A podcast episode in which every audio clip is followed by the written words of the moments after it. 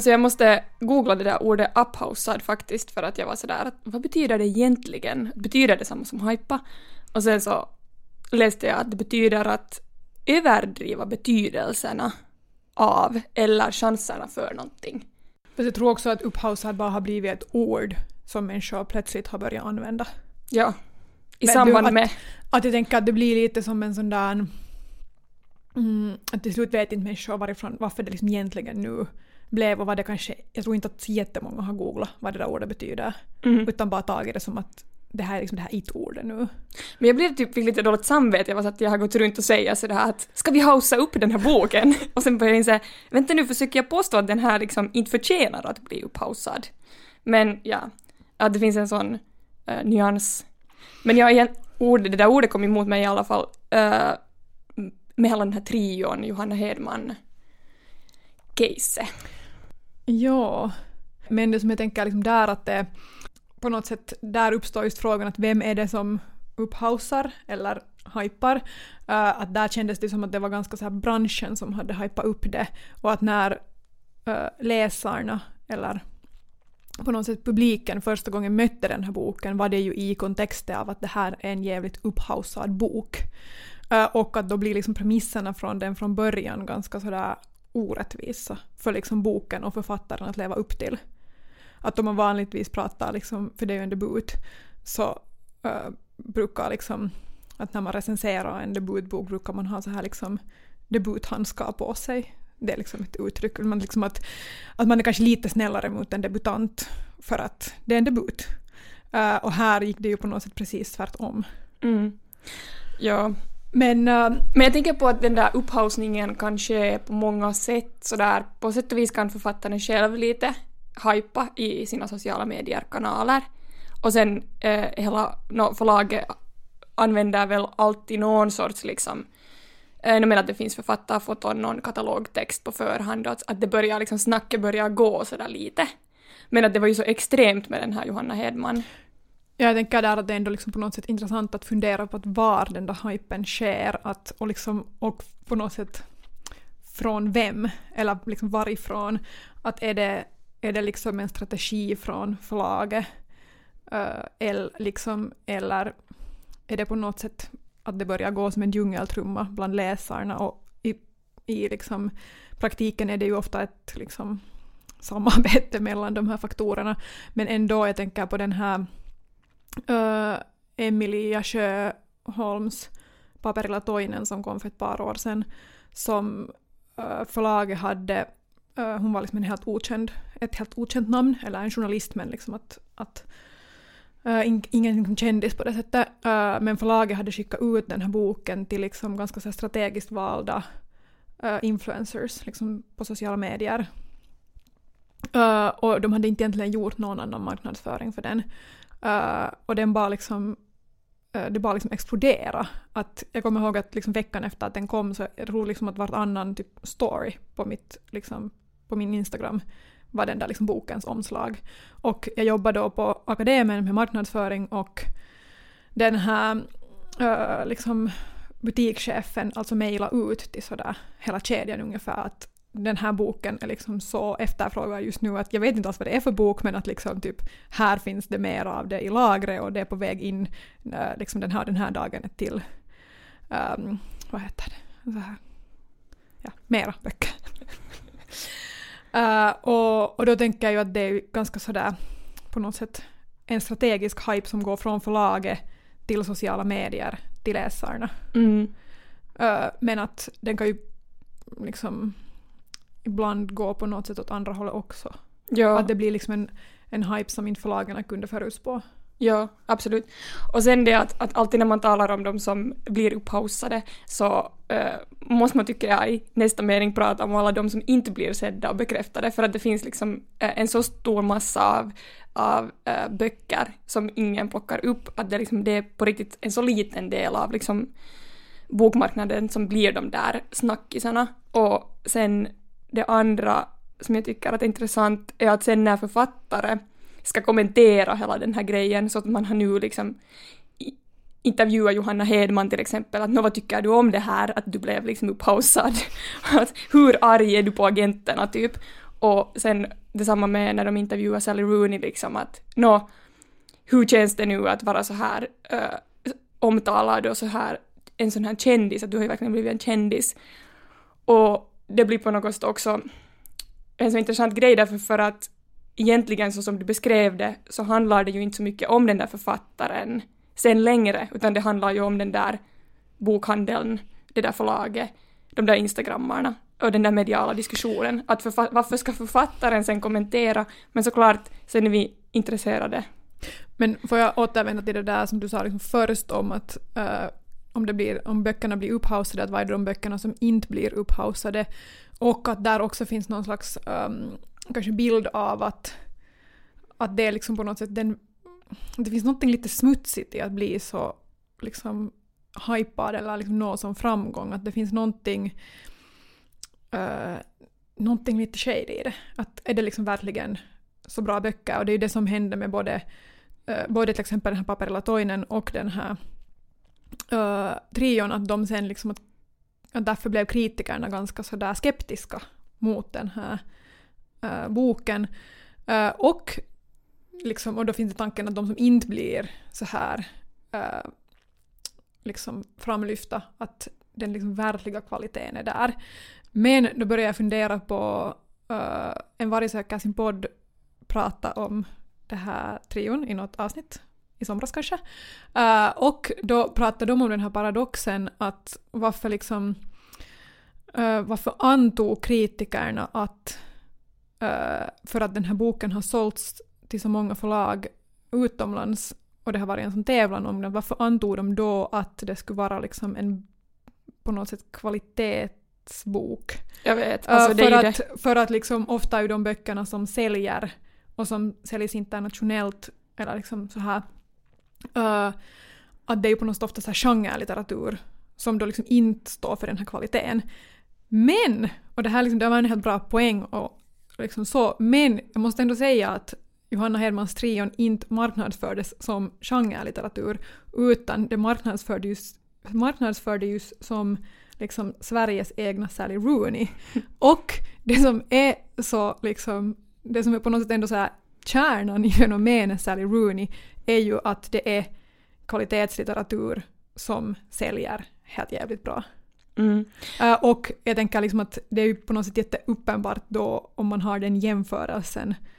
Um, eller liksom, ja. Ja, alltså jag tycker att när man talar om försäljning eller bokförsäljning så ska man tänka på att det är försäljningsstatistik eller siffror, så det är bara de där siffrorna som säljer Alltså de som ser, alltså det är försäljningssiffror och det har liksom ingen korrelation egentligen med kvaliteten. Eller alltså det kan ha, men det är inte liksom entydigt så. Det finns så mycket annat som påverkar försäljning. Men sen också det som jag tänker med trion. Ehm, och överhuvudtaget med det här upphausad ordet, att överdriva betydelsen av eller chanserna för. Så att ehm, risken finns ju då att det finns sådana här tomma böcker eller tomma produkter som blir uh, sålda. Och när man läser dem så känns det lite som att det är en maskin som har skrivit dem, för att de liksom återbrukar bara klichéer och tankar och miljöer och använder aldrig liksom, att det finns liksom ingen egen tanke. Och det, och det är liksom en sån produkt, uh, så den är inte mera litteratur. Men uh, där kan man också diskutera att det liksom, uh, vad är liksom vad är då litteratur? Är det liksom, måste en författare ha skrivit det? Inte om det är en AI som har skrivit det och digital litteratur. Det är sen en helt annan diskussion. Jag skulle inte gå så långt som att på något sätt dra en strikt gräns med att uh, det måste finnas en författare. Uh, men den här, vi talade här tidigare om en här Facebook-tråd som en vår bekant hade haft om den här Sally Rooneys nyaste bok. Uh, och där var det någon, jag kommer inte ihåg vem, jag liksom bara såg det liksom ganska så fort, som föreslog att kanske den här Sally Rooneys nyaste bok är skriven av en AI. Men så kom det liksom ganska snabbt mothugg för att de menar att, att Sally Rooneys liksom språk är helt för, för liksom bra och igenkännbart. Uh, att, att den liksom AI kan än så länge inte kanske. Det här kan vi gå in på senare när vi diskuterar Äh, Sally men- Rooneys roman närmare. Men jag måste ändå säga att jag tycker att jag, jag lyssnar på trion och jag tycker inte att den här jämförelsen med Sally Rooney är dålig. Uh, men jag skulle just säga att det är liksom i språket och kanske det litterära uttrycket som jag på något sätt själv upplevde att den där liksom verkliga skillnaden ligger för att uh, där var Sally Rooneys språket på något sätt um, till synes ganska sådär enkelt och självklart och det är inte någonting man sådär Uh, Eh, jag skulle aldrig beskriva hennes böcker som på något sätt att språket är så fantastiskt. Medan i, i trion så störde jag mig ganska mycket på hur liksom hyperlitterärt det var i att ingenting kunde hända utan en på något sätt så här lite snitsig uh, språklig bild eller metafor för att beskriva det. Och även om liksom vissa av dem var uh, liksom snygga och träffande så, så skulle jag ha på något sätt uh, jag liksom, det störde jättemycket min läsning i längden. Men att nog liksom absolut att där finns sådär liknande teman och jag tycker nog att, att den här liksom mothugget som trion har fått är kanske lite oskäligt. Att nog, eh, nog tycker jag att den boken absolut har eller liksom lyckas fånga en sån känsla som jag tänker att det är ute, den är ute efter att fånga. Uh, en sak vill jag ännu säga om det här som har en, för oss till en liten annan riktning och det är den här skandalen kring den här att köpa sin egen kritik som har varit nu också. Har du följt med? Jag har missat det här helt. Okej. No, alltså det var alltså ett så här hybridförlag som alltså också säljer redaktionella tjänster och, och säljer liksom förmånen att ge ut en bok. Så de har nu också då börjat sälja kritik och eh, för 6 950 svenska kronor eller 683 euro kunde man alltså köpa ett professionellt omdöme av sin bok av det här samma liksom den här samma organisationen som man också kan köpa allt annat av. Och den här, det här väckte ju liksom skandal och nu är hela den tjänsten nedlagd som en följd. Så vi behöver inte dröja, dröja kvar men jag tycker ändå att det är intressant som, som grej alltså för att det här är ju, här utkristalliseras det som vi alla är rädda för. Alltså att, att, att man kan liksom, det finns inte mera någonting trovärdigt utan allting är bara en sorts upphaussad No, chimär. tala om liksom det här marknadssamhälle. Men eh, det här får mig att tänka lite på den här eh, podcasten som du tipsade mig om. Ja, du menar den här obsessen av Sof- Sonja He- Hedstrand eh, som hette Livet i 2,5 dimensioner som handlar om att eh, känslor blir någonting som konsumeras och överhuvudtaget liksom att, att eh, världen är så genomsyrad av kommersialism. Precis, jo, den var, den var jättebra. Jag kanske var- glömde smsa dig sen men alltså, den var nå- ganska hemsk men också helt jättebra. Ja, verkligen. Om vi då liksom pratar om, om upphausade böcker och läsarna och, och liksom marknadskrafterna i liksom förlag och, och bokhandlar och, och sånt, så var skulle du då placera kritiken? Eller vad är liksom, för nu i, i det här case-trion så har ju på något sätt är det ju i recensionerna och i kritiken som på något sätt hela eh, motsättningen har uppstått. Men att det är liksom, är kritiken då, i vilken ända placerar den sig? Det här har ju också lite att göra med den här topplistan som form, som också har kritiserats. Eh, och eh, topplistor hör hemma i liksom bokhandlar, till exempel. Men vad händer när en kritiker gör en topplista? Och sen vad är, vad är liksom problemet om, om den här topplistan som kritikern gör råkar vara farligt överensstämmande med den här bokhandelns topplista? Att, att man kan ju säga som att kritikens liksom uppgift har ju varit just att vara den där motsättningen mot bokhandeln och försäljningen och det här intellektuella djupet och sådär. Och att kanske att de som kritiserar försöker ta, ta, lyfta fram andra kvaliteter och andra aspekter än försäljningssiffrorna. Men att ö, just det var den här litteraturens slutmannen. Sven-Anders Johansson. Ja, så det det var ju han som hade skrivit om, om topplistorna och väckt en debatt om det. Ja, det var en bra uh, Äh, kolumn eller krönika eller vad det nu sen var. Um, ja, där är ju liksom, jag tänker att uh, kritiken kan ju ha liksom många, många uppgifter av vilka topplistor definitivt inte är en, men att däremot kan ju nog um, liksom det finnas en sådär en aspekt av i brist på bättre ord, konsumentupplysning, men att, att det kanske ska inte vara den aspekten som väger tyngst, om vi säger så. Ja, Men jag alltså, tänker liksom att om man skriver till exempel en, eh, en recension eller för den delen en längre text var det liksom inte alls framgår vad det är för, igen i brist på bättre uttryck här ser man hur på något sätt eh, till och med vårt språk är ganska så här genomsyrat av, av liksom senkapitalismen. Men liksom att man måste ju på något sätt ändå beskriva den här produkten som man skriver om. mm? Ja. Eller kanske det är just det att kritikern har liksom den där texten som form ursprungligen i sitt uttryck.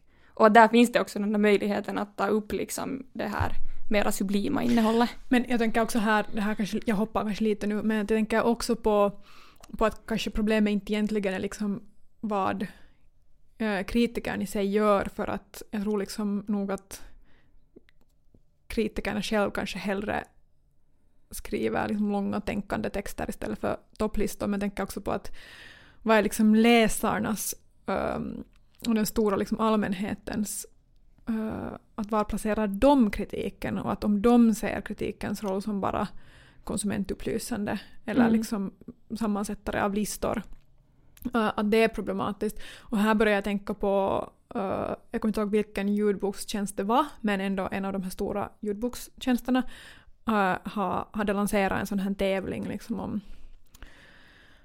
årets bästa ljudbok. Och så började jag läsa något nå kommentarsfält, typ om det här var de diskuterar liksom, vad är vad är det man mäter när man mäter liksom bästa ljudbok? Att är det liksom bästa bok men bara som råkar vara ljudboksform eller är det liksom på något ljudboksformatet i sig? Och de här frågorna är ju intressanta. Och att det finns ett ljudbokspris så det är ju liksom någonting som den här eh, tjänsten har hittat på själv i princip för att upphausa eh, vissa titlar eh, och överlag kan man fråga om litteraturpris, liksom, om det egentligen är deras grundläggande eh, på något sätt funktion, men det är nu sedan en annan fråga. Men då var det någon som tyckte att i det här kommentarsfältet att den här diskussionen eh, är ju helt fånig. Att man kan ju bara ta Uh, att det måste ju finnas liksom på något sätt en att det måste ju kunna gå att göra en algoritm där man jämför liksom eh, att vilka böcker har lyssnats liksom mest på och fått högst rating. Men det där är Äh, just och- problemet. Och liksom att då får man ju på något sätt objektivt den bästa ljudboken. Eh, och jag tänker liksom att om vi går till det här, att om människor tycker att den här diskussionen, att det här på något sätt var någon snilleblixt har liksom tyckt att den skriver en smart grej i det här kommentarsfältet nu, att det här är ju helt en enkel fråga.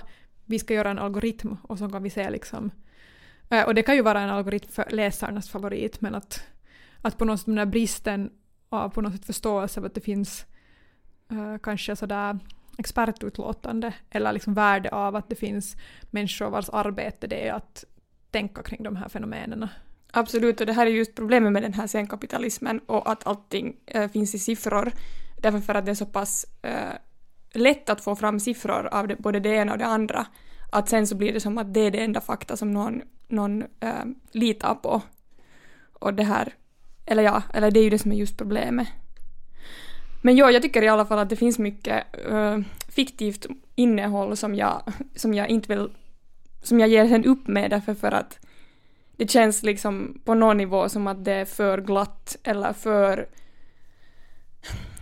Hur ska vi säga? Det, att det är som en produkt på något sätt, det är som en maskin. Och nu menar jag inte bara böcker utan ganska ofta när jag går in på Netflix och försöker mig på någon serie som, som jag, jag vill se så sen är det som att...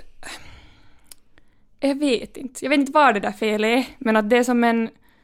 Att det finns liksom ingen... Det är för generiskt. Mm, men Hanna, jag skulle vilja prata om, om uh, Beautiful World, Where Are You? Oh, jag vill också. Äntligen!